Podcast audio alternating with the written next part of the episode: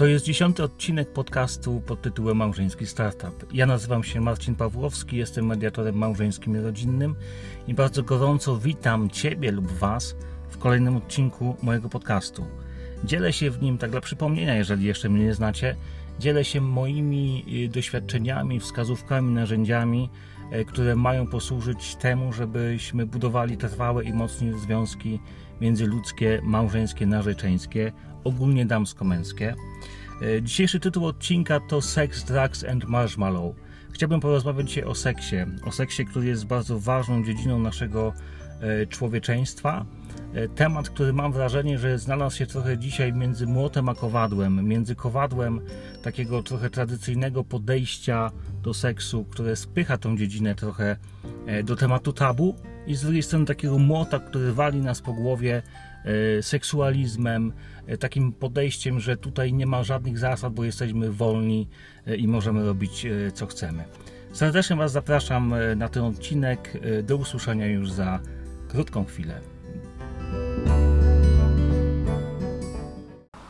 Po raz kolejny muszę Was przeprosić za wszelkie szumy, które będą dochodziły podczas tego nagrania do Waszych uszu.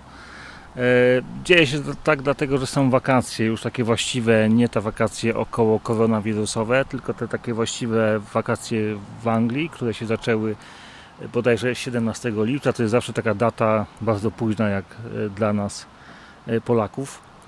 Więc no w domu jest nagrywanie jest niemożliwe, ponieważ moje, część moich dzieci jest w domu, część na zewnątrz, więc właściwie tam nie ma tym bardziej warunków do nagrywania. A ten odcinek, który chcę Wam dzisiaj nagrać, jest dla mnie bardzo ważny. Mm, poza tym jadę niedługo na wakacje, więc chciałbym, żeby ten odcinek już sobie gdzieś tam pracował między, y, między Wami.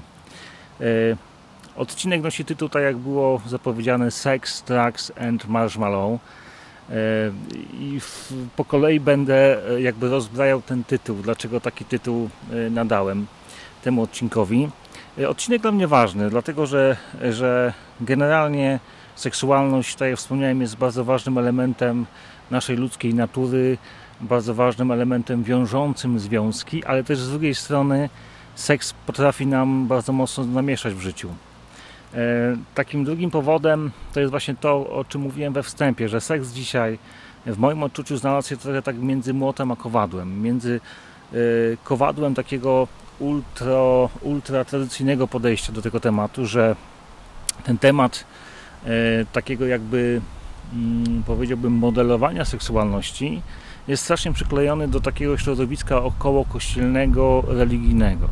Że bardzo często e, e, pojawiają się tutaj argumenty tylko i wyłącznie z takiej działki religijnej, że mało kto, e, przynajmniej ja mam takie wrażenie, używa takich argumentów które kształtowałyby tą seksualność naszą, e, z działki takiej typ, typowo seksuologicznej, z takiej działki e, biologicznej. Są argumenty, które mówią wprost, w moim odczuciu, z którym wam, z, z, z, z, które, o Boże, ale się zakręciłem, które mówią wprost, że to, tą naszą seksualność trzeba modelować, że nie wolno jej pozostawiać ani spychać gdzieś tam nie wiem, do takich tematów mniej ważnych, ani też z drugiej strony nie można jej pozostawić w takim jakby kulej dusza piekła nie ma, nie? A, a, a takie mamy, ta, takie mam wrażenie dzisiaj mamy podejście, tak? Że na przykład w tej działce ultra takiej tradycyjnej katolickiej to bardzo często na przykład y, wyposaża się młodych ludzi y, w takie argumenty, które pochodzą od Karola Wojtyły i na przykład od jego miłości i odpowiedzialności. To jest fajna książka, ale z drugiej strony mam wrażenie, że e, to jest taka, mm, bo w tym nauczaniu o seksualności człowieka, ja mam wrażenie, że to jest taka wisienka na torcie, to jest taka, taki krem, a nie ma tej bazy. Jeżeli wyposażamy młodych e, tylko i wyłącznie w naukę Karola Wojtyły, o tym, że to jest największy dar z siebie, to jest wszystko piękne, tylko że w pewnym momencie tego kremu jest za dużo. Jeżeli mamy tort, to musimy mieć też bazę, to musimy mieć biszkop. To, e, ta seksualność nasza jest czymś pięknym i samym kremem jej nie możemy jakby otulić, bo, bo to jest wszystko mdłe. Musi być baza, musi być biszkop, który też nie, czasami nie może być za słodki, który musi być konkretny. E, to jest takie właśnie w, wyposażanie młodych ludzi, którzy idą w związki właśnie w takim trochę tak w, takie, w taką argumentację, która w moim odczuciu jest niewystarczająca I właśnie z drugiej strony mamy na przykład właśnie y, nauczanie y, typu sex.pl Ani Rubik, która mówi, że jeżeli masz 15-16 lat, to możesz uprawiać seks, jeżeli tylko nikt się do tego nie zmusza, to jest jeden, jedyny warunek, który ona stawia. Jeżeli cię nikt nie zmusza, to możesz uprawiać seks y, w każdym wybranym dla ciebie momencie, jakby no limits, nie? I wydaje mi się, że, że właśnie ta seksualność nasza jest właśnie y, skazana na takie trochę błąkanie się pomiędzy tymi dwoma skrajnościami. Tak, skrajnością około katolicką i skrajnością około taką, y, bym powiedział, y, kultury masowej, popkultury, tych takich, takiego błyskotliwego świata. Natomiast wiecie, też takim momentem, którym ja się, w którym ja się zainteresowałem jak seksualność wpływa na nasze związki, że ją trzeba faktycznie modelować w sposób sensowny. To był taki moment, kiedy spotkałem e, na swojej drodze właśnie mediatora e, no właśnie takie związki, takie pary, gdzie, gdzie już w momencie, kiedy ich zobaczyłem, e, no to, no to, to była, można byłoby to nazwać, że piękna ona, piękny on. Że ciężko na przykład było sobie wyobrazić, że oni są nieatrakcyjni seksualnie, bo przecież oni byli atrakcyjni seksualnie, jakby w ogóle tutaj nie było dyskusji, tak? Natomiast, natomiast stan ich relacji był po prostu opłakany. Nie? I ja sobie zadaję pytanie, co się dzieje takiego między ludźmi, że w pewnym momencie e, ta relacja gdzieś tam utyka, że ten seks jakby przestaje być tak bardzo atrakcyjny e, i on po prostu jest niewystarczający. I, i, i no właśnie, i ten na przykład taki, no nie chcę nazwać tego mitem, ale mit o, dopa o dopasowaniu seksualnym przed powiedzmy ślubem, E, no jakby, hmm, jakby trochę jakby wiotczał, tak, że przecież oni byli elegancko dopasowani, nie? I tutaj, tutaj e, jakby chciałbym e, chciałbym w tym momencie przy, przywołać taką anegdotę jednego z panów, e, takich, do, powiedziałbym, terapeutów małżeńskich, który mówił, że i tutaj się poniekąd z nim zgodzę, może tylko poniekąd, ale myślę, że dużo racji jest w tym, kiedy mówi, że seksualnie E, każdy mężczyzna pasuje do każdej kobiety, natomiast pod względem mentalności, e, pod względem psychologii, żadna kobieta nie pasuje do żadnego mężczyzny i odwrotnie. E, I to dopasowywanie się, docieranie się pod tym względem takim psychologicznym, pod względem takiej natury, trwa przez całe życie i kończy się śmiercią jednego z nich. E, trochę zabawnie, ale myślę, że tutaj dużo jest, dużo tutaj jest prawdy. I teraz, żeby znaleźć sobie odpowiedź na to pytanie, żeby tutaj wyjść, ponieważ ja, cóż, no nie, nie będę nie będę tutaj jakby opowiadał yy, yy, kocopałów, że jasne, moje myślenie w tej dziedzinie było bardzo mocno kształtowane przez Kościół katolicki, ponieważ moje życie w pewnym momencie było dosyć blisko związane z, z, z tą działalnością. Dzisiaj już jest trochę inaczej. Yy, no i właśnie, i ta argumentacja dla mnie w pewnym momencie jakby przestała być wystarczająca. O, może w ten sposób powiem. I zacząłem sięgać właśnie w tym momencie, kiedy kiedy spotkałem właśnie takie pary w stylu piękna ona, piękny on, zacząłem sięgać po właściwie do specjalistów, do seksuologów, do, e, do ludzi, którzy tak naprawdę na naszej seksual, seksualności zjedli zęby. I właśnie chciałbym dzisiaj Wam e, tutaj przedstawić tą naszą seksualność w pewnym kluczu. E, a dokładnie chciałbym Wam przedstawić e, e, właśnie pojęcie, pojmowanie seksualno naszej seksualności w ujęciu po pierwsze pani Michaliny Wisłockiej. To jest moim zdaniem ikona, ikona polskiej seksuologii, która jest trochę moim zdaniem zapomniana. Chociaż trzeba przyznać, że i tutaj przypomnieć, że jej sztuka kochania, książka Sztuka Kochania została wznowiona w druku chyba bodaj, bodajże w 2017 roku. E, ponieważ nie wiem, czy pamiętacie, e, był film, e, mam nadzieję, oparty na autentycznych wydarzeniach z ich życia, Sztuka kochania Michaliny Wisłockiej. I chciałbym tutaj jako w pierwszej kolejności przy, przy jakby przy, przywołać jej, jej jakby poglądy w tej kwestii. I tutaj na przykład, no bo tak jak wspomniałem, mamy Anię Rubik, która mówi, że jeżeli masz 15-16 lat, jeżeli się zabezpieczasz, stosujesz antykoncepcję, jeżeli nikt się do tego nie zmusza, to wszystko jest ok. A wydaje się, że Michalina Wisłocka, która jasne żyła jakiś czas temu, mówi jasno, że e, tutaj też chciałbym właśnie jej podejście zaproponować, właśnie chciałbym podkreślić na samym początku. Wisłocka mówi tak, że to, co teraz powie, to, co napiszę w swojej książce, bo, ponieważ ja mówię na bazie tego, co przeczytałem w jej książce pod tytułem Sztuka Kochania, no mówi, nie chcę absolutnie tworzyć jakichś nakazów, zakazów, że każdy musi sobie odpowiedzieć na, na, na pewne pytania, na pewne kwestie sam, musi znaleźć odpowiedź, nie? Właśnie w ten sposób uważam, że to bardzo mądre podejście. I ona mówi tak, że jeżeli chodzi na przykład o pierwszy raz, o konsumpcję związku, to ona tak, z jednej strony nie poleca do końca czekania do ślubu, ale z drugiej strony mówi, że y, nie możemy rozpocząć, nie powinniśmy rozpocząć współżycia seksualnego zbyt wcześnie, dlatego że my po prostu zwyczajnie z, e, z psychologicznego punktu widzenia nie jesteśmy dojrzali y, pod względem naszych emocji, że my to ten temat strasznie spłycimy. E, jaki to jest moment? Ona też no, dokładnie o tym nie mówi, bo każdy jest jakby indywidualny, prawda?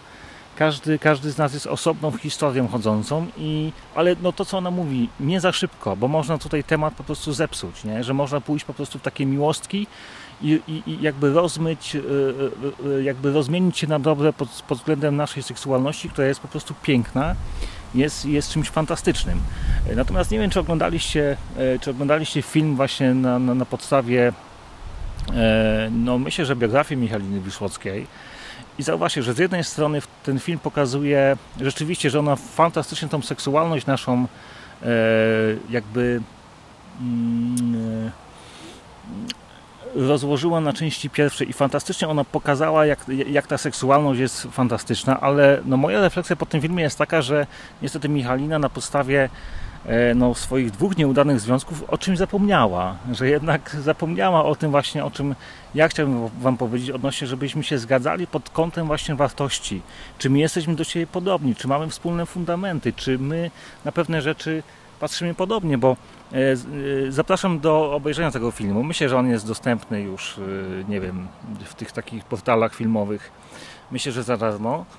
E, I ona na przykład ten pierwszy związek, no to to był związek poliamoryczny. No związek, który się niestety nie ostał, że, że tutaj, no tutaj była jakaś pomyłka. Potem ten drugi związek e, z tym panem, jakimś tam instruktorem, nie wiem, zajęć fizycznych w tym uzdrowisku, do którego potem wyjechała, gdzie ten seks już y, był wspaniały, no ten związek też już nie do końca był, niestety zakończył się tak, się zakończył, że coś w pewnym momencie utknęło dlatego, że on miał żonę, tak, że, że, że...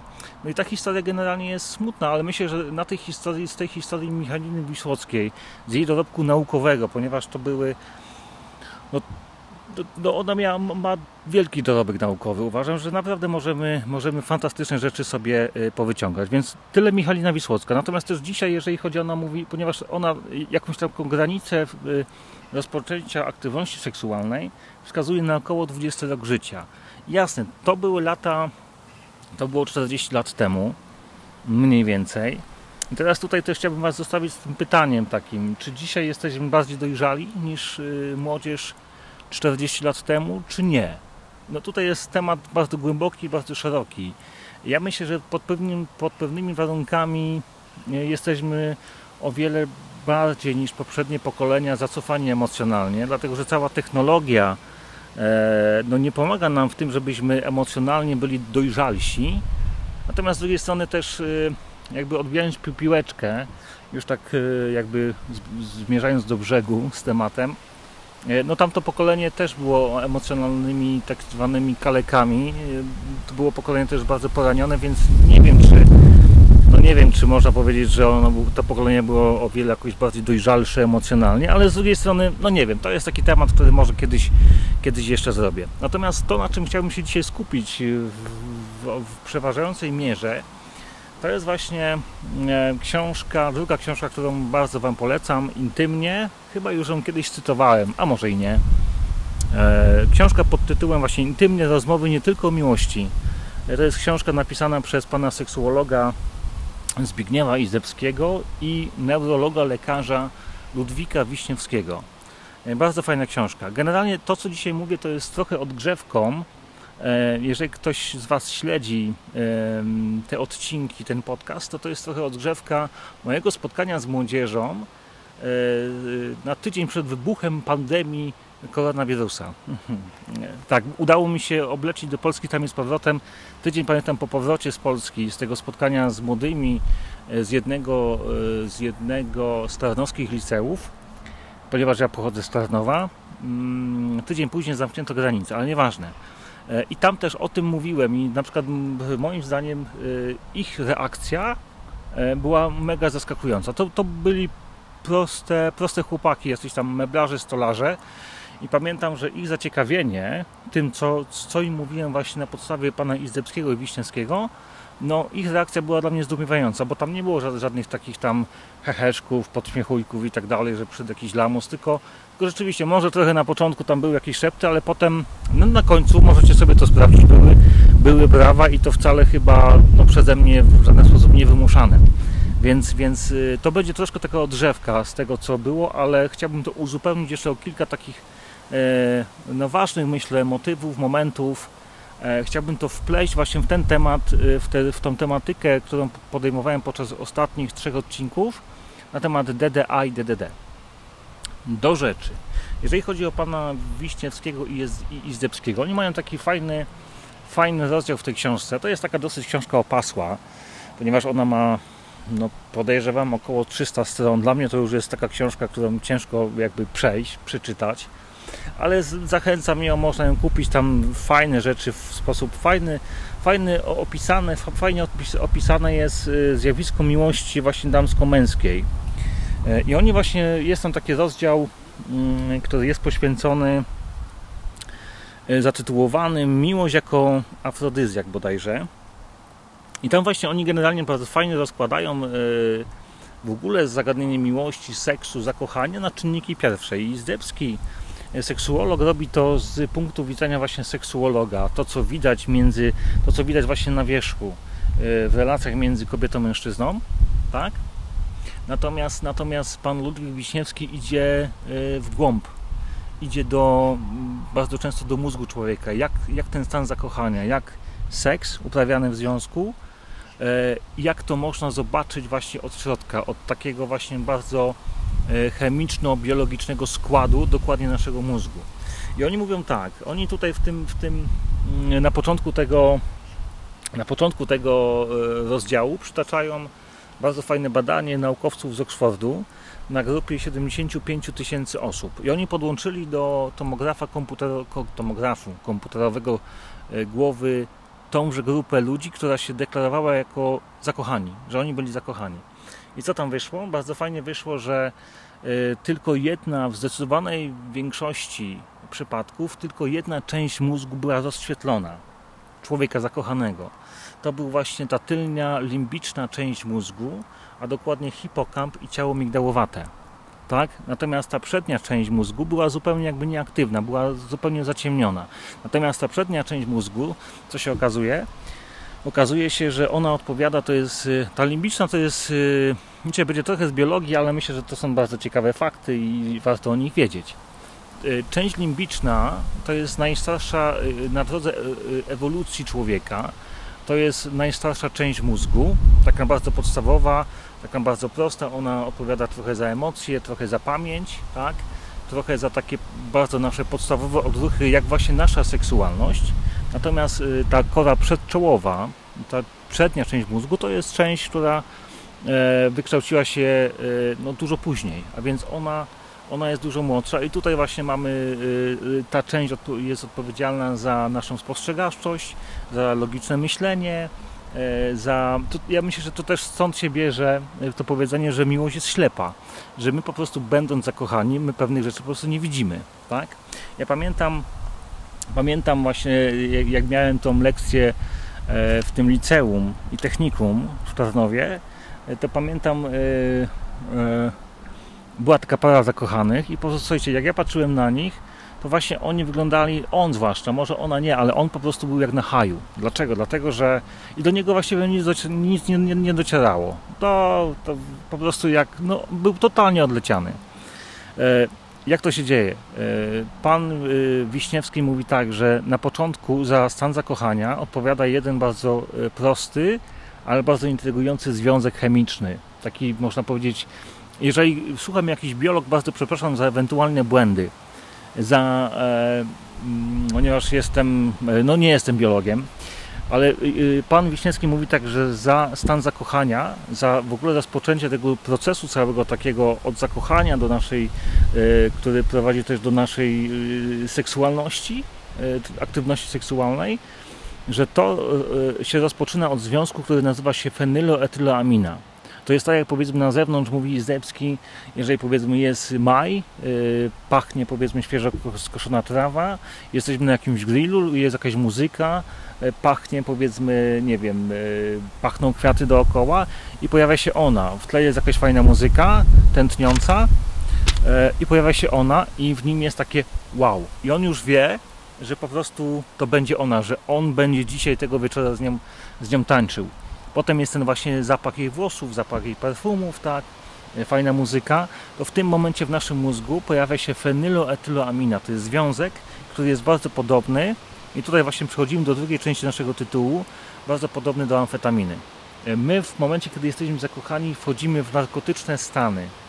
E, I oni właśnie w ten sposób e, jakby opisują to, to zjawisko naszej seksualności i w ogóle miłości. Dla mnie to jest niesamowicie fascynująca sprawa i tłumaczy naprawdę bardzo, bardzo wiele.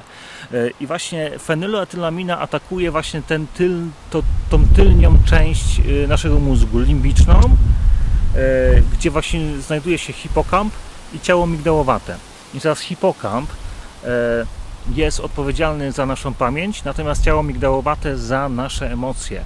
I to dlatego na przykład, jeżeli powiedzmy pamiętamy bardzo dobrze nasz właśnie pierwszy pocałunek, nasz pierwszy taniec, na przykład w momencie, kiedy idę miastem i przechodzi kobieta, która używa tych samych perfum, co powiedzmy dziewczyna, z którą się całowałem tam gdzieś w jakimś miejscu, to nam się uruchamia cały właśnie cały właśnie mechanizm wspomnień, mamy gęsią skórkę, mamy jakieś motyle w brzuchu, tak?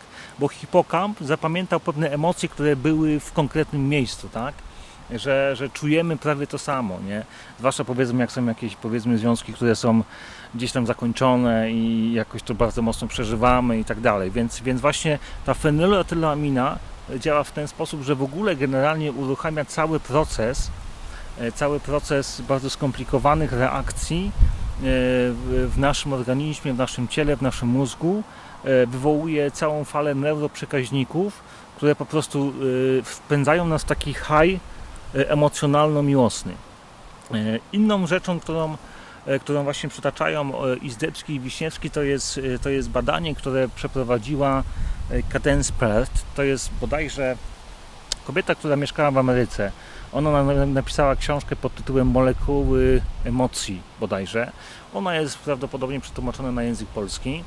I ona właśnie też badała e, od tej strony właśnie chemiczno-biologicznej e, to właśnie zjawisko naszej miłości, naszej seksualności. I ona zaczęła od szczurów, tak? ponieważ szczury są bardzo często e, używane do badań. Wow, leci samolot. Dzięki Bogu już samoloty latają, więc mam nadzieję, że uda mi się E, polecieć do Polski i ucałować ziemię jak papież polską ziemię. Ale słuchajcie, do, do rzeczy. I ona mówi tak, ponieważ ona zrobiła taka dense spread, yy, zrobiła badanie na szczurach, doprowadzała do kopulacji szczurów. To było jakiś czas temu, wiem, że dzisiaj Greenpeace i w ogóle obrońcy zwierząt by bardzo mocno protestowali przed taką kliniką. Ona doprowadzała do kopulacji szczurów i w tym momencie takim najbardziej kluczowym E, kopulacji szczurów, rozdzielała je e, w jakiś tam sposób i badała ich mózgi. I co się okazało, że te wszystkie właśnie e, poziom tych wszystkich takich neuroprzekaźników, hormonów szczęścia, hormonów takich właśnie, które dają nam high emocjonalny, między innymi oksytocyny, endorfiny, adrenaliny, tych wszystkich takich właśnie rzeczy, które, które wprowadzają nas w high emocjonalny, jest przekroczony o ponad 200%. I ona sobie zadała potem pytanie, no dobrze, no to jeżeli ze szczurami tak jest, to jak to jest z ludźmi? E, no wiadomo, że nie będzie nikomu tam rozrzynać czaszki w momencie, kiedy, kiedy ktoś się kocha, w sensie ktoś uprawia seks, więc, więc znalazła, się, e, znalazła sposób inny. Poprosiła swoich przyjaciół chemików, żeby spreparowali specjalną gumę do rzucia i ona e, podczas właśnie kochania się ze swoim mężem w konkretnych momentach żuła tą gumę tak? I, i, i, i, zaznaczając jaki to był moment y, odstawiała na bok, tak? I kilka takich gum do rzucia właśnie do momentu ja to nazywam, y, mam taki, takie określenie z języka himalaistów, do momentu ataku szczytowego, tak, żyła tą konkretne gumy do rzucia i jakby odstawiała na bok, tak, i zaznaczała, która w jakim momencie znajdowała się w jej, w jej ustach, tak, i to samo robił jej mąż. O to samo poprosiła przyjaciół potem, nie, i co się okazało? Okazało się, że tak samo jak przy właśnie szczurach, y, w mózgu człowieka stężenie tych neuroprzekaźników E, jest przekroczone też ponad 200%, a więc my podczas uprawiania seksu jesteśmy w stanie haju miłosnego, haju emocjonalnego.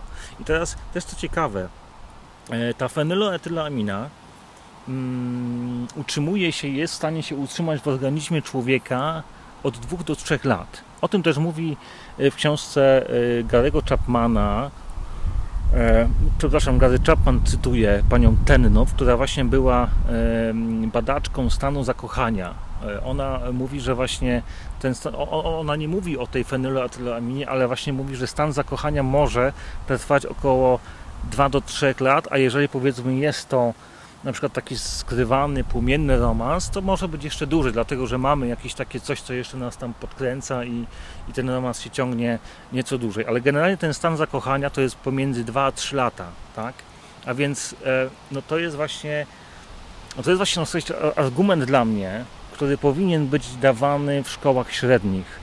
E, ja wiem, że Wy nie jesteście uczniakami, ja bardzo przepraszam, że być może Was tak traktuję, ale mam nadzieję, że w tym kluczu, o którym dzisiaj mówię, to sobie pewne rzeczy jakby przemyślicie i być może jakby przeanalizujecie swoją seksualność. Czy tam gdzieś jakby coś nie poszło zbyt szybko albo zbyt wolno. E, I uważam, że właśnie e, ten argument powinien być e, mówiony, w sensie przekazywany młodym ludziom w szkole, że nie powinniśmy straszyć, że seks, to jest zło, seks to jest szatan, seks to jest po prostu fleble. Absolutnie nie. To są narkotyczne stany. To, są, to dlatego właśnie, że my jesteśmy w tym stanie haju miłosną narkotycznego, ten seks tak bardzo nas wciąga. Tylko, że problem jest w tym, w moim odbiorze, że właśnie my bardzo często że my bardzo często właśnie e, no, podejmujemy właśnie na bazie tych właśnie doznań seksualnych decyzję, że my do siebie pasujemy.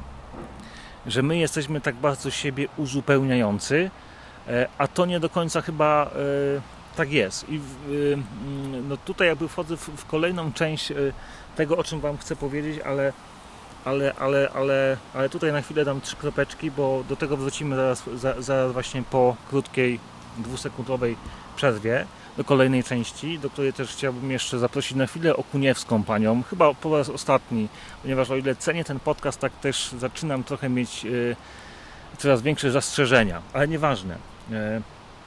Y, y, ciekawym takim argumentem i faktem, którym E, które przytaczają właśnie Izdebski i Wiśniewski jest właśnie e, jak powstały, e, jak powstała nazwa endorfiny. Endorfiny, czyli inaczej mówiąc hormony szczęścia. Endorfiny to jest zlepek dwóch słów. I po pierwsze, historia endorfin po powstaniu tego słowa jest taka, że naukowcy w pewnym momencie postanowili zbadać to, w jaki sposób morfina, czyli twardy narkotyk, działa na człowieka. Tak? E, I zbadali, podczas badania mózgu wyszło, że, mm, że w mózgu człowieka każdy człowiek ma receptory opioidowe. Tymi receptorami opioidowymi e, dostają się w obieg do naszego ciała e, opiaty, czyli na przykład morfina, czyli na przykład kokaina, czyli tak zwane narkotyki twarde. Tylko, że właśnie tutaj ta kokaina to jest coś, co zostało wytworzone w sposób y, zewnętrzny, nienaturalny. I tutaj jest ten właśnie zlepek słów, tak? Bo oni sobie pomyśleli, skoro są takie rzeczy, są takie substancje, które, które wchodzą poprzez te receptory opioidowe w naszym mózgu y, i te receptory opioidowe każdy z nas ma, to w naszym ciele właśnie muszą być jakieś naturalne narkotyki, naturalne opiaty, które właśnie wchodzą poprzez poprzez te, mm, poprzez te e, receptory opioidowe. I stąd właśnie tutaj jest, jest zlepek tych dwóch słów.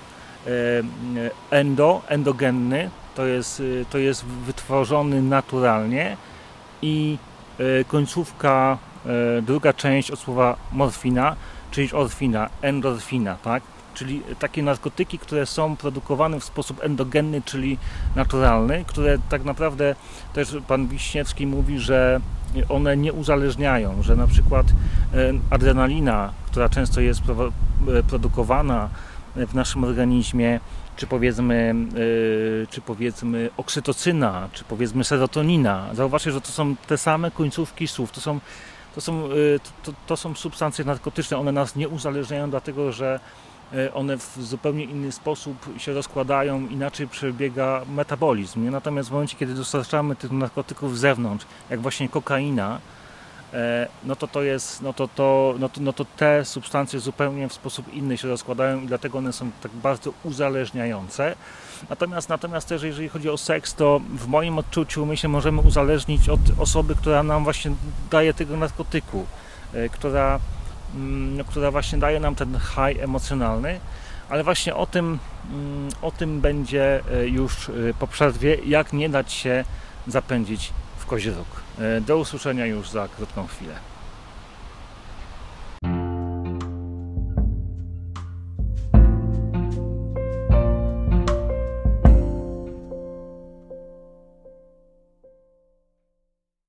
Tak jak wspomniałem, chciałbym na chwilę jeszcze wrócić do pani Okuniewskiej i chyba tak ostatecznie się jakby, jakby pożegnać ze wspominaniem i przytaczaniem tego podcastu. Dlaczego? Dlatego, że z jednej strony bardzo cenię w niej, w tym podcaście to, że właśnie mówi o tym, jak związki nie powinny wyglądać. To jest absolutnie tutaj dla mnie sprawa jasna, że za to ten podcast jakoś, jakoś polubiłem, bo go nadal lubię, ale z drugiej strony mam taką, no mam takie mieszane uczucia, E, mianowicie e, stosunku do tego, że tak naprawdę ona bardzo często, nie wiem, jeżeli słuchacie, to zauważcie, że bardzo często ona mówi, że my w tych związkach e, to my się taplamy w takim swoim, przepraszam, głównie, bo ona, ona dokładnie tak to nazywa. W każdym, znaczy w większości tych odcinków właśnie pokazuje, jak bardzo mocno związkowe idiotki mieszają się w takie związki, które po prostu prowadzą do tego, że, że siedzimy w głównie po uszy, tak? Tylko, że moim zastrzeżeniem jest, jest to, że ja uważam, że to, że siedzimy w głównie razem po uszy, bo ona tłumaczy to, że jest mnóstwo innych ludzi, którzy e, tak samo dali się zrobić przez różnego rodzaju typy mężczyzn albo kobiety.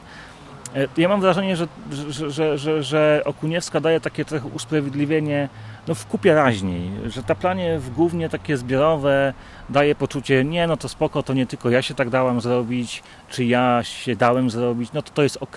Ale myślę, że to nie jest ok. Myślę, że możemy skończyć z idiotkami. Nie musisz być idiotką albo idiotkiem związkowym i nie musisz się taplać w głównie po uszy. Dlaczego o tym wspominam? Dlatego, że dlatego, że, yy, dlatego, że ja, ja jestem no, mocno przekonany, no, że właśnie, że seks ten taki high emocjonalny, to on właśnie odpowiada za to, między innymi, nie tylko oczywiście, że my wchodzimy w to, w to gówno. Że są ludzie, którzy mówią nam, słuchaj, uciekaj z tego związku, wiej z tego związku, a my mówimy to, jak właśnie Okuniewska mówi. Ona też tam mówi o sobie, że, że, że, miała, taki, że miała taki moment, gdzie, gdzie koleżanka jej mówi sobie, uważaj, wiej z tego związku, a ona się na nim obraziła dlatego że ona go kocha. Okuniewska mówi na przykład o, o, jest taki odcinek typ toksyna, bardzo dobry odcinek, dosyć mocny, i ona tam właśnie mówi o tym, że, że, że, że, że są ludzie, którzy na przykład ciągle chcą jakichś tam dowodów na to, że, że mm, że, że, że, że y, daj mi dowód, że mnie kochasz, nie? albo na przykład straszenie, że, e, że odejdę, że cię zdradzę, nie? że słuchajcie, my sobie fundujemy taką właśnie huśtawkę, tak bardzo przykre historie związkowe w momencie, kiedy wchodzimy zbyt szybko w życie seksualne. A to, to, co mówi właśnie Okuniewska i ten podcast i szereg innych podcastów, tak? To właśnie e, tam właśnie rozpoczęcie życia seksualnego bardzo szybkie. To jest właściwie tak jak pójście do McDonalda, nie? Że ja idę do, do maka na frytki, ja sobie zamówię dużą kolę, beknę, e, sobie jeszcze oczywiście wcześniej zapłacę i wszystko będzie git. No ja uważam, że nie, że właśnie to jest, nie chcę iść na pewno w stronę taką e, bardzo mocno e, skrajno prawicowo ultrakatolicką, bo to mnie jakby też mi to nie robi, ale na przykład to, co też na przykład, nie, nie wiem czy pamiętacie, w zeszłym roku chyba, w listopadzie 2019 była taka wielka zadyma wokół jednej z ustaw pisowskich. Ja, ja, tam nie jestem bardzo pisowski, ale uważam, że to była dosyć mądra ustawa, która chyba przeszła, chociaż nie jestem pewien. I oni y, chcieli wydać taką ustawę, która E, zakazywała, która miała karać osoby, które, e, które inaczej, że Y, osoby, które namawiały y, do współżycia osoby poniżej 16 roku życia, miały być karane więzieniem tam do lat chyba trzech, nie? I wtedy się zrobił wielki, wielki, wielki rarum. Między innymi Ania Rubik y, po, po, podniosła, ale jak to PiS zakazuje edukacji seksualnej? Ja nie mówię, być może z edukacją seksualną według, według programu PiSu, no może nie jest najlepiej, ale ja uważam, że właśnie y, pani Rubik się właśnie oburzyła, dlatego że ona chce powiedzieć, że jak masz 15 lat, 16 lat, jeżeli nikt cię do seksu nie zmusza, to możesz to robić. A ja uważam, że nie. Jasne, to, to jest nasz wybór, to jest nasza decyzja, to jest nasze ciało, ale, ale mówienie o, w ten sposób młodym ludziom, nie dawanie właśnie argumentów typu właśnie jak daje Izdebski, y, Wiśniewski, Wisłocka i na pewno jeszcze wiele innych mądrych ludzi, to jest celowe wprowadzanie młodych ludzi w błąd. Dlatego, że nie każdy tak jest taki, taki, jak, taki mądry, taki ułożony, e, nie każdy ma taką bezpieczną pozycję jak powiedzmy Ania Rubik, wypracowaną przez lata. Są ludzie, którzy mają ogromne deficyty, tak? I moim zdaniem za to takie piekiełko, takie czasami błotko, w, które, w którym się taplamy, odpowiadają właśnie właśnie deficyty, to jest ten moment właśnie, w którym chcę wytłumaczyć, dlaczego mówię o seksie właśnie w tym momencie że za, za to, że, e, że my wchodzimy, e, my pływamy w tym głównym, głównie związkowym. Przepraszam za, za, za takie wyrażenie, ale chyba Okuniewska tutaj ma rację, że my pływamy często w głównie związkowym, e, to właśnie odpowiadają deficyty pochodzące właśnie z DDA, DDD i to wszystko nakrywamy taką fajną kołderką pod tytułem seks, tak? Że można naprawdę wiele deficytów przegapić, tak? Tak jak na przykład ona mówi tam E, e, przytacza taką historię właśnie w tym e, typ toksyna. Czyta właśnie historię chłopaka, który właśnie mówi, który właśnie opowiada o tym, że, że, że na przykład dziewczyna, że, że jego dziewczyna na samym początku ich związku, mm, no to, przepraszam, tutaj o, to mam ściągi tutaj takie małe, jest tyle rzeczy, których, o których chcę powiedzieć, żeby nie zapomnieć. E, ona tam opowiada o chłopaku, który właśnie zgodził się na taki sekretny związek, że jego dziewczyna nie zgadzała się na to, żeby oni chodzili jakby jawnie, nie? I on na początku jakby to kupił, bo to było takie fajne, trochę taki dreszczyk emocji, ale potem on, na przykład ona zaczęła, na przykład zerwała z nim i to był taki test, jak on się zachowa, czy na przykład po tym, jak ona z nim zerwie, no to on sobie jakby, czy on pójdzie w długą, czy on będzie jej wierny, czy on będzie nadal o nią zabiegał. I co się okazało? On do niej wrócił, tak? W momencie, kiedy ona się do niego odezwała, że to był jednak test, to on bardzo chętnie pobiegł, nie? I on tam mówił, że e, na przykład e, pisał, że zaniedbywał samego siebie, zaniedbywał naukę, że jak ona powiedzmy sobie chciała e, jakieś tam wziąć frytki, nie wiem, z, maka na wynos czy z KFC. On jechał przez pół miasta, nie miał pieniędzy, zapożyczał się u rodziców, u, u tam znajomych po to, żeby jej przywieźć to, to KFC do domu, tak? I on jakby w ogóle tego pozaniedbywał wszelakie relacje swoje właśnie koleżeńskie, przyjacielskie na konto właśnie bycia w związku z tą toksyczną dziewczyną, nie? I historia gdzieś tam się kończy tak, że on tam się po raz kolejny chyba postarał, że wynajął jakiś domek w górach, gdzieś tam nad jeziorem. Chciał ją zaprosić, żeby po raz kolejny dać jej dowód na to, że ją kocha. E, I w tym momencie, kiedy ona się chyba z nim przespała w tym domku, no to z nim zazwała, nie?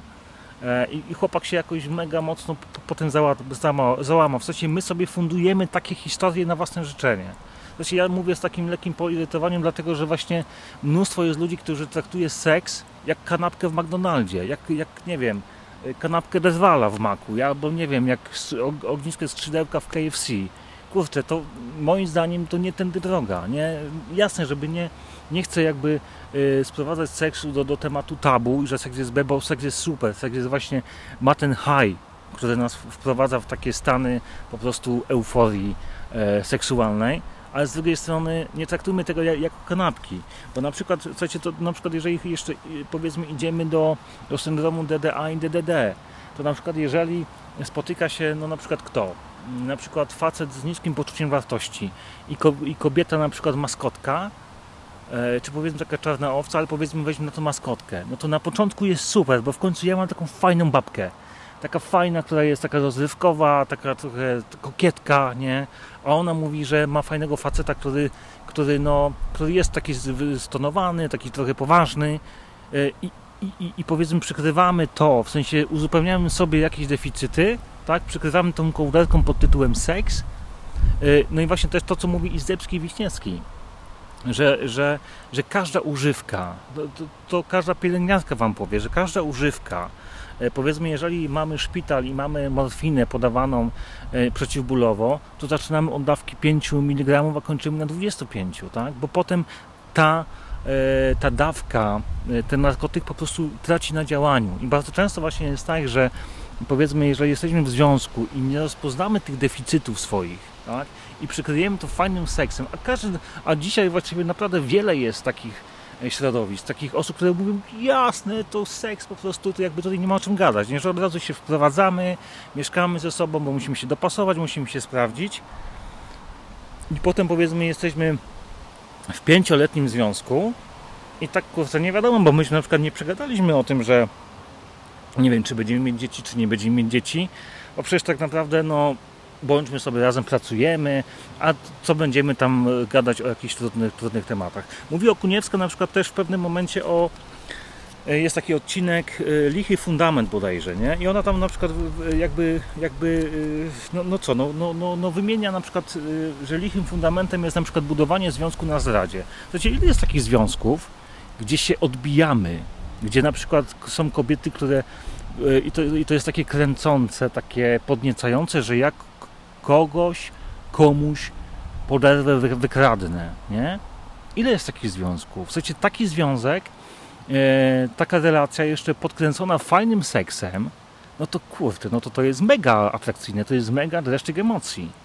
Tylko, że potem właśnie to, to, to, co mówi Okuniewska, no dobrze, jeżeli, jeżeli ten związek gdzieś tam jest budowany na zdradzie, to jaką ty masz gwarancję tego, że on ciebie nie zdradzi z kolejną kobietą? I potem jest, są płaczki, i potem jest wiadro wylanych łez. To mówi sama Okuniewska. Tylko, że jakby dla mnie ona nie łączy pewnych faktów w ogóle, nie? Tylko, że E, jeszcze raz mówię, no, mam wrażenie, że ona e, jakby próbuje przekazać takie coś, że taplamy się w głównie wszyscy, no to jest nam raźniej, nie? Ale ja jeszcze raz mówię, nie musimy się taplać w głównie, nie taplajmy się w głównie, bo to wcale nie jest chyba przyjemne, tak mi się wydaje, nie? Że, a to, że ktoś jeszcze jest ze mną, no to może jest w kupie raźniej, no ale, ale bez przesady. Potem na przykład też mówi o tym, jak e, mówi na przykład, że kolejnym takim lichym fundamentem jest uzależnienie, tak? Słuchajcie, że, że na przykład są ludzie, którzy tylko palą tam trawkę, tylko piwko. Słuchajcie, jeżeli wchodzi seks, to ja uważam, że w tym momencie bardzo łatwo jest y, jakby to przymknąć oko na to, dobra, tam on tam popija, ale to tam on przecież pracuje, jest obowiązkowy i w ogóle jakby tam, że się tam raz uchla, tam na jakiś czas, no co, a tam ten, nie? I potem na przykład są takie, e, też Okuniewska opisuje tam takie sytuacje, że są kobiety, które mówią stop, dosyć, nie? E, że nikt już więcej nie wyleje po pijaku na mnie żadnego napoju. Nikt nie będzie mnie szarpał za rękę po pijanemu, nie? Tylko, że problem jest w, tak, e, w tym i no tak, fajnie, że Okuniewska mówi o tym, pokazuje, że że to nie jest ok, tylko że z drugiej strony potem wchodzimy w kolejny taki związek, który po prostu jest właśnie oparty na uzupełnianiu sobie deficytów, ten człowiek nie będzie nigdy y, gwarantem tego, że te deficyty będzie nam zawsze uzupełniał. Tak, podlewamy to fajnym seksem, a potem znowu jest jakaś, jakiś ząg, nie? Potem jest powiedzmy czasami jeszcze czasami szybki ślub, no bo powiedzmy jak mamy jeden związek pięcioletni, no to ileż będziemy czekać, tak? No i właśnie się można strasznie moim zdaniem zakarakaćkać w tym wszystkim i po prostu podjąć naprawdę mega błędne, błędne decyzje. I no to, co bym, słuchajcie, Wam podpowiadał, nie? to, to jest to, żeby na przykład, ponieważ też jestem świadomy, że nie jesteście licealistami większości z Was, jeżeli po, po, podjęliście już, no pewnie podjęliście życie, życie seksualne. Znaczy ja się śmieję często tak, że jak jestem właśnie w Londynie u narzeczonych, nie, ja mówię, no wiecie co, no jakbyśmy byli w Polsce, to jeszcze byśmy może mogli udać, że e, po tym spotkaniu, po tym kursie dla narzeczonych, to się wszyscy zaschodzimy po domach, nie? że ty idziesz do mamy i ty idziesz do mamy, a tutaj jesteśmy w Londynie i tutaj nie ma co jakby nie ma co udawać, no wszyscy wracamy pod wspólny dach do wspólnego łóżka, tak?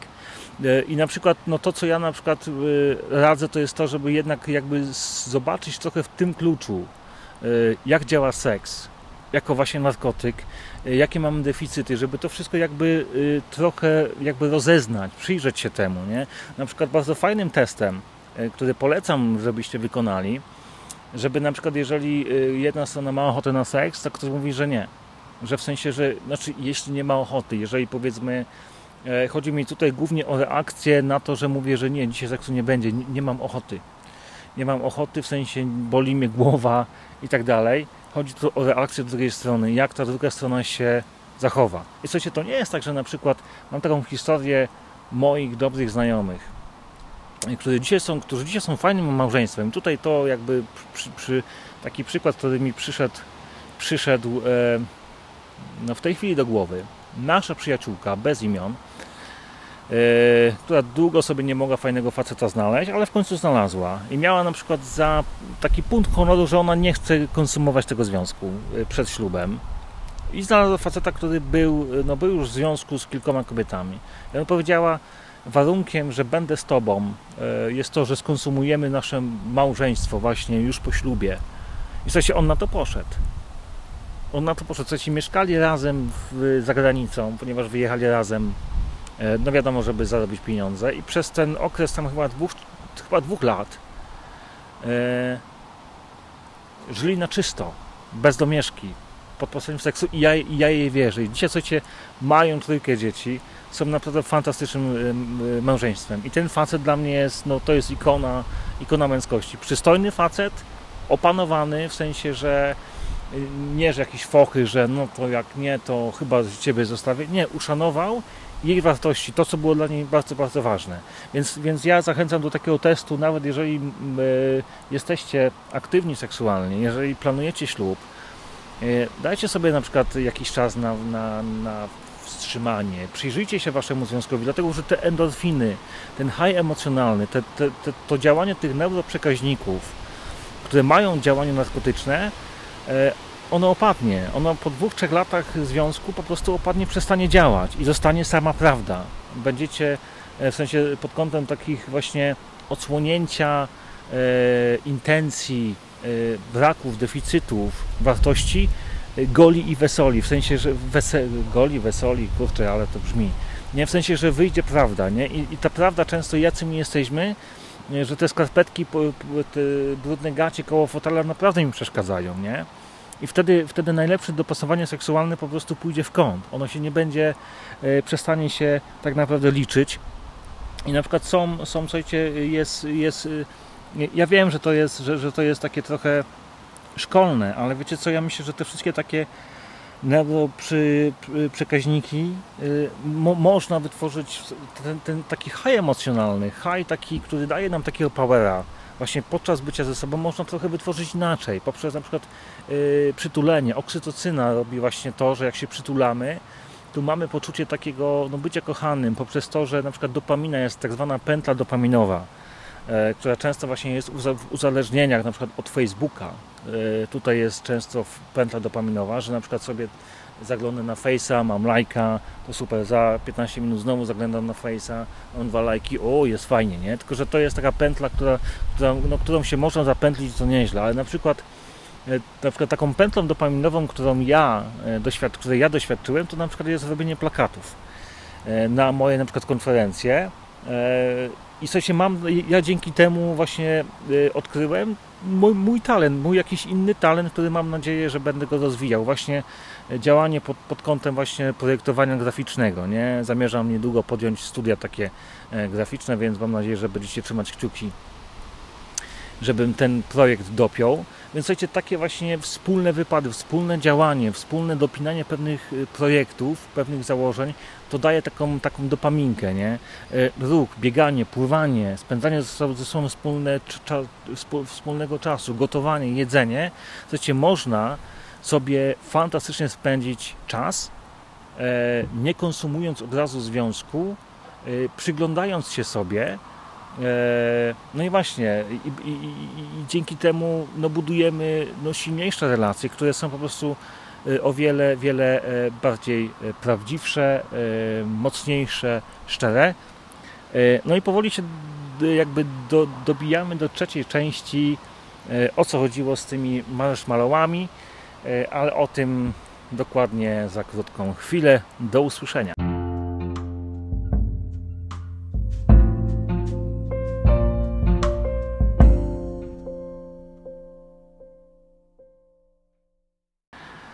O co chodzi z tymi marshmallowami? Już wam, już wam tłumaczę. Było takie fajne doświadczenie e, w latach 60. E, zeszłego stulecia w Ameryce, e, które przeprowadził pan Walter Mischel. On opisał to doświadczenie w swojej książce pod tytułem właśnie Test Marshmallow. Ona jest przetłumaczona na język polski, można sobie kupić i przeczytać. I on przeprowadził takie doświadczenie na, na grupie 700 przedszkolaków. Każdemu z nich dał na talerzyk jedną piankę marshmallow i powiedział, że za 15 wróci, za 15 minut wróci tutaj do nich i jeżeli nie zjesz tej pianki w ciągu tych 15 minut, to dostaniesz jeszcze jedną. A jeżeli zjesz, no to nie dostaniesz tej dodatkowej. Co się okazało, że około 30% tych dzieciaków y, stoczyło walkę ze sobą i nie zjadło tej pianki marshmallow i miały y, i dostawało jedną dodatkową. Natomiast zdecydowana większość niestety tego testu no nie, że, nie, że, nie, że nie zaliczyła, ale w sensie zjadła tą piankę jedną i na tym się, na tym się skończyło. Co się okazało, że, e, że za po 10 latach, ponieważ pan, pan Michel, e, nie wiem czy żyje, ale on e, jeszcze jak miał 85 lat, jeszcze żył, jeszcze był czynnym naukowcem, więc nawiązał e, kontakt. On, on, sobie wziął jakieś tam namiary na tych rodziców, tych przedszkolaków, żeby być z nimi w kontakcie. Po kilkunastu latach e, jakby nawiązał kontakt z rodzicami tychże wtedy przedszkolaków, a w momencie, kiedy się kontaktował, to, to byli już nastolatkowie, tak? po 18-20 lat. I co się okazało, tam była prosta, w tej ankiecie E, tam pytał o bardzo proste rzeczy, jak sobie radzą z nauką, jak sobie radzą z pracą, ze studiami, ze związkami, z uzależnieniami. I co się okazało, że te osoby, te dzieci, które potrafiły poczekać na te 15 minut, wyrzec się czegoś, tak odpuścić sobie, e, odroczyć sobie proces gratyfikacji, e, o wiele bardziej, e, o wiele lepiej radziły sobie w życiu. Miały lepszą pracę, lepiej e, e, E, się uczyły, lepiej radziły sobie w związkach, e, tworzyły lepsze i trwałe związki, tak? E, nie popadały w uzależnienia. Jasne, że nie jest 100% z tej grupy, ale generalnie tutaj zasada jest jedna. Bardzo ważne jest w naszym życiu umiejętność odroczenia gratyfikacji, czyli takiego właśnie tej drugiej pianki, że jeżeli poczekam jeżeli w sensie e, odroczenia sobie z jedzenia i przyjemności, w sensie e, podjęcia, dostarczenia sobie przyjemności tu i teraz, w tym momencie, że idę, zamawiam, biorę, konsumuję i wychodzę, nie? Że, bo, bo, bo, to daje, bo, bo, bo to daje czekanie i planowanie i kontrolowanie siebie y, daje jakąś gratyfikację, daje nam więcej. To jest też, tutaj jest y, też dosyć dużo mówi y, Michel o, też o mózgu człowieka E, że tutaj jest taka trochę bitwa pomiędzy tymi dwoma częściami e, mózgu, tak pomiędzy tą limbiczną, taką bardzo podstawową, a tą przedczołową, która właśnie odpowiada za kontrolowanie, za, za, za, za nasze uczucia, tak? za, za nasze trochę opanowanie. Tak? E, I tutaj trzeba właśnie to, co oni sobie też mówią jasno, że no właśnie, że w tym takim procesie uczenia się, odraczania gratyfikacji bardzo pomocny jest y, taki system jeżeli to, jeżeli się teraz powstrzymam, jeżeli poczekam, to będę miał za jakiś czas więcej. Jak zjem, jak skonsumuję w tym momencie, to skonsumuję, ale właściwie mogę mieć jeszcze więcej, jeżeli będę mógł się kontrolować. Właśnie ten system kontroli, e, jeżeli umiemy się kontrolować, e, to jest kluczowa sprawa właśnie między innymi też w związkach, bo też e, oni badali te dzieci właśnie pod, na przykład dzieci wrażliwe, właśnie pod kątem umiejętności kontroli, jeżeli, jeżeli samokontroli, jeżeli umiem się kontrolować, to o wiele lepiej radzę sobie w życiu. Tak? Nie popadam w nałogi, nie popadam w uzależnienia, nie popadam w jakieś takie e, notoryczne obiadanie się, ani, ani innego tego typu jakieś takie e, historie. E, jaki jest jeszcze wniosek z tego? Wniosek jest też taki z tego, że E, no właśnie, że, że, że, to takie odroczenie gratyfikacji łączy się z tak zwanym pozytywnym stresem, bo jest y, stres, który jest negatywny, że na przykład nie ufam, że facet mi przyniesie tą drugą piankę i zjem od razu tak, tak na wszelki wypadek. To jest taki stres, który, który właśnie no, nie jest twórczy, natomiast to jest tak zwany dystres, a jest tak zwany eustres, taki pozytywny, który mówi, ok, teraz poczekam, być może nie jest mi łatwo, ale wiem, że to mi się opłaca, że to przyniesie że to przyniesie konkretne rezultaty. Zresztą też tutaj chciałbym jedno, jedną rzecz dopowiedzieć, o której zapomniałem w poprzedniej części, natomiast na temat tych hormonów, a dokładnie, dokładnie chciałem powiedzieć o kortyzolu, ponieważ też oprócz tych takich pozytywnych neuroprzekaźników w naszym mózgu tworzy się kortyzol. I też kiedyś przeczytałem bardzo fajną też publikację na ten temat, że człowiek jako jedyny e, z istot na Ziemi, mm, e, nie chcę powiedzieć, że zwierząt, nie jesteśmy zwierzętami, ale ma właśnie e, działający kortyzol na, tej zasadzie, ponieważ kortyzol, czyli ten taki hormon, hormon stresu, mają wszystkie zwierzęta łącznie z człowiekiem.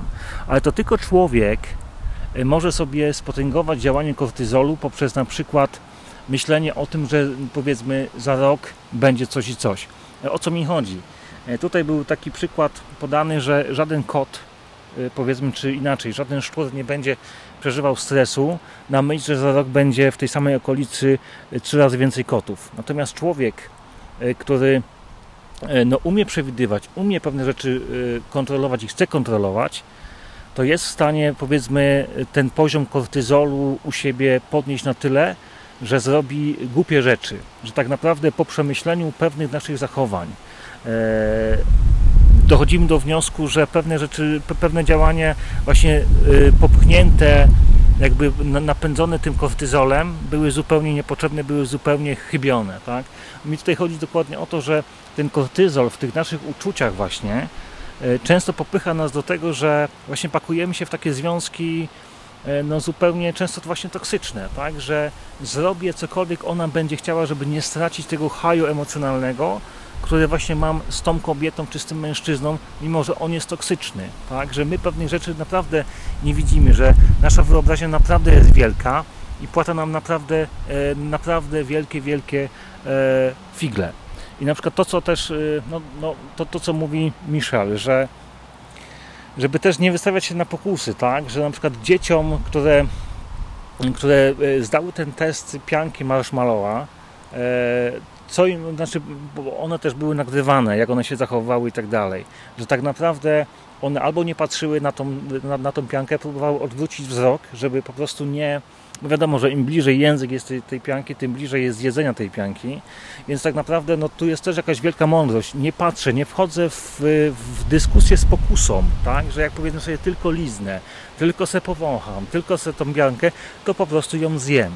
I na przykład też tutaj chciałbym taką jedną, ja wiem, że może dzisiaj ten odcinek to jest taki, że jakiś jestem taki strasznie staroświecki, ale też ostatnią rzecz, którą chciałbym chciałbym, przedostatnim, przepraszam, będzie jeszcze jedna na samo zakończenie. To, co mówi Okuniewska i też to, co mówi też spora część, nie wiem, celebrytów, ludzi, na przykład na temat y, kobiecego ubioru. Okuniewska często, bardzo często podkreśla jedno. E, dlatego właśnie to jest też kolejny taki argument, dla którego chcę jakby z Okuniewską jakby tutaj zupełnie już y, nie iść w tym kierunku, Mam nadzieję, że mi się to uda. Okuniewska na przykład mówi odnośnie kobiet. Mamy XXI wiek. To jest twój cycek i możesz go pokazywać ile chcesz. Nikt nie ma prawa e, no, ci czegokolwiek zakazywać, nakazywać. Słuchajcie, to jest, powiem wam tak, że no ja się z tym nie zgadzam. Dlatego, że tutaj w, w, w tym temacie w tym temacie ewentualnej wstrzemięźliwości, czy jakby modelowania tego naszego życia seksualnego, to w jaki sposób my się ubieramy, czy w jaki sposób my się prezentujemy, że po prostu idziemy na randkę i wyglądamy tak, że po prostu no, jakby no, facetowi ciężko w ogóle się opanować i nie wie, gdzie ma patrzeć. No, no ciężko w takim systemie, w takim podejściu w ogóle jakby tą seksualność jakkolwiek modelować, tak? E, to jest często też, e, zauważyłem, znaczy usłyszałem kiedyś też bardzo mądre jakby takie stwierdzenie, że często właśnie ubiór kobiet, e, który też nam podsuwa kultura masowa, że po prostu dekolty, grzywki, paznokcie, botoksy, nie botoksy, że bardzo często, no właśnie my zapominamy o tej niewerbalnej mowie ciała, że często wygląd kobiety która ma podkreślone albo wyeksponowane pewne części ciała, czy to usta, czy to pupę, czy to biust, one zapraszają do czegoś, czego, tego, do czegoś, czego ta kobieta sama tego nie chce. I prawdopodobnie facet, no może niekoniecznie, ale też być może nie chce, nie? że słuchajcie, to, to, czasami nasza postawa no, generuje konkretne myślenie, konkretny styl jakby postępowania. I myślę, że na to też jakby warto no warto no, zwracać uwagę, tak żeby, żeby zdając ten test pianki marshmallow, żeby czasami odwrócić wzrok i nie generować takich sytuacji, gdzie po prostu jakby e, jak już zjemy tą kolację, to po prostu jakby nie ma bata, żeby, żeby no, ta kolacja nie skończyła się w łóżku. Więc ja myślę, że na to też warto zwrócić uwagę jakby w, no, w tym procesie odraczania gratyfikacji pod postacią y, seksualnych doznań, przygód, y, pod postacią seksu, który naprawdę jest super fajny i super, super ważny. Y, no to będzie chyba na tyle w dzisiejszym odcinku. Za chwilkę jeszcze, jeszcze tylko e, jedna krótka wzmianka, w której padnie nazwisko Kuniewskiej, a tak jak obiecuję, to już będzie prawie ostatni raz. Do usłyszenia już za 3 minutki.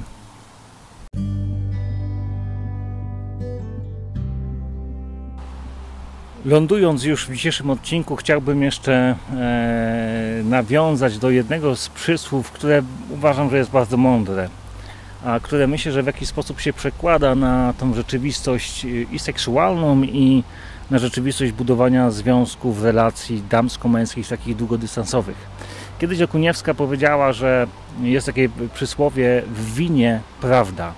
I ona mówi główna prawda. Mówi, że z tym, z tym mówi, że to jest chyba najgłupsze przysłowie polskie, jakie, nie polskie, tylko łacińskie, jakie zna. Bo ona rozumie to w ten sposób, że e, jak jesteśmy pijani, to bardzo często pijani winem czy innym alkoholem, to bardzo często padają jakieś takie deklaracje, które na bo nigdy by nie padły, które są zwyczajnie kłamliwe w stylu, że bardzo Ci kocham, że chcę z Tobą spędzić resztę życia, że chcę wziąć kredyt na nasze wspólne mieszkanie, że tak naprawdę no, to nie jest prawda, że to często bredzimy, bredzimy bez sensu. I powiem Wam tak, że no jest tutaj w tym coś z prawdy. Rzeczywiście często jest tak, że po, po alkoholu, po winie czasami rozplątuje nam się język i mówimy rzeczy, których byśmy prawdopodobnie na bo nigdy nie powiedzieli. E Natomiast chciałbym jeszcze Wam zaproponować dwa inne podejścia. Jedno, moim zdaniem, nieco lepsze niż to, e, i trzecie, najlepsze z możliwych. E, drugie podejście to chciałbym zaproponować Wam podejście Andrzeja Piasecznego. Kiedyś oglądałem program e, z, z jego mm, na jednej ze stacji, chyba TVN bodajże albo TTV. Prywatne życie gwiazd, chyba jest taki program. I tam właśnie był, by, był odcinek z Andrzejem Piasecznym. I Andrzej Piaseczny y, za, za, zaproponował inne podejście nieco y, do wina, do tej prawdy o winie jako Kuniewska. E, zapytał się prowadzącej, jakie jest najlepsze wino, ponieważ on też lubi, lubi wino, mówi, że nie lubił, ale teraz lubi, bo ktoś go tam do wina przekonał. E, I on się pyta tej prowadzącej, jakie jest najlepsze wino? A ona mówi, hmm, no nie wiem. A Andrzej Piaseczny mówi, najlepsze wino jest takie, jakie tobie smakuje. No to jest taka odpowiedź e, już, już nieco półkę wyżej. Natomiast ja chciałbym Wam zaproponować rozwiązanie trzecie, spojrzenie na wino, które myślę, że jest bardzo dobrym przykładem dojrzewania. To usłyszałem właśnie w podcaście prowadzonym e, z, razem e, z panem Markiem Konradem.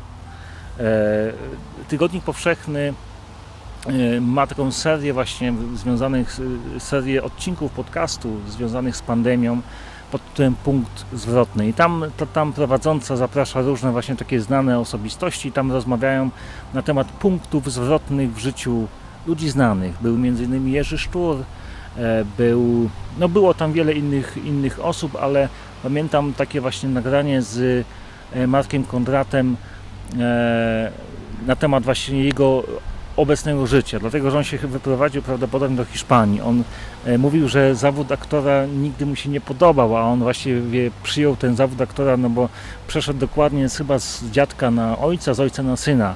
Taka trochę kontynuacja międzypokoleniowa. I on w tym momencie jest, mieszka w Hiszpanii w małym domku i on właśnie opowiadał tam, e, on w tym momencie czasami pewnie gra e, w reklamie banku, tak? Ale to jest chyba jedyny, jedyny jego kontakt w tym momencie z zawodem aktora. W tym momencie handluje winami. I on właśnie bardzo pięknie opowiedział o winie, że No i myślę, że to jest to, że tutaj w, w, w winie jest prawda, bo dlatego on mówi, że wina, dobrego wina nie da się oszukać, że żeby mieć dobre wino, trzeba po prostu czekać, że tutaj się nie, nie da nic przyspieszyć, że żeby mieć dobre wino, to trzeba poczekać, aż będzie zima, będzie zimno, potem będzie wiosna, będzie y, ciepło, będzie cieplej, potem będzie lato, będzie gorąco. Trzeba poczekać do jesieni, aż te owoce dojrzeją, aż one będą mega słodkie. Potem wycisnąć, potem y, y, je przelać do beczki i poczekać, tak?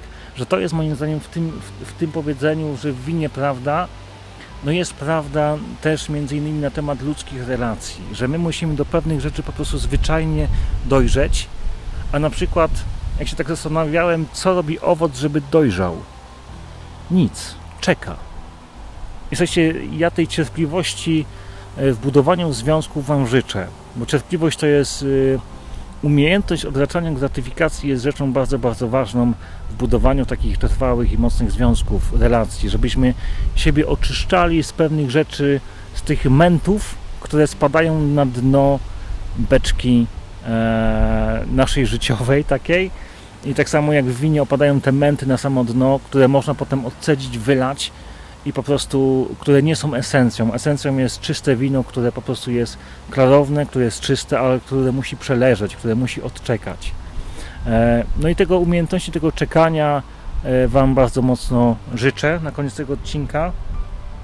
Życzę Wam, e, życzę, Wam żebyście doszli do tego, żebyście się zgodzili z, z panem, który nazywa się Milan, Milan Kundera, taki mm, bodajże to jest czeski pisarz, który e, powiedział, że miłość nie wyraża się w pragnieniu uprawiania seksu, lecz w pragnieniu wspólnego snu. I tego Wam na koniec y, życzę. Słyszę już tutaj w tle, że leci po mnie helikopter, więc muszę się z Wami żegnać. Do usłyszenia, dziękuję za uwagę. E, Do następnego razu. Trzymajcie się ciepło. Cześć.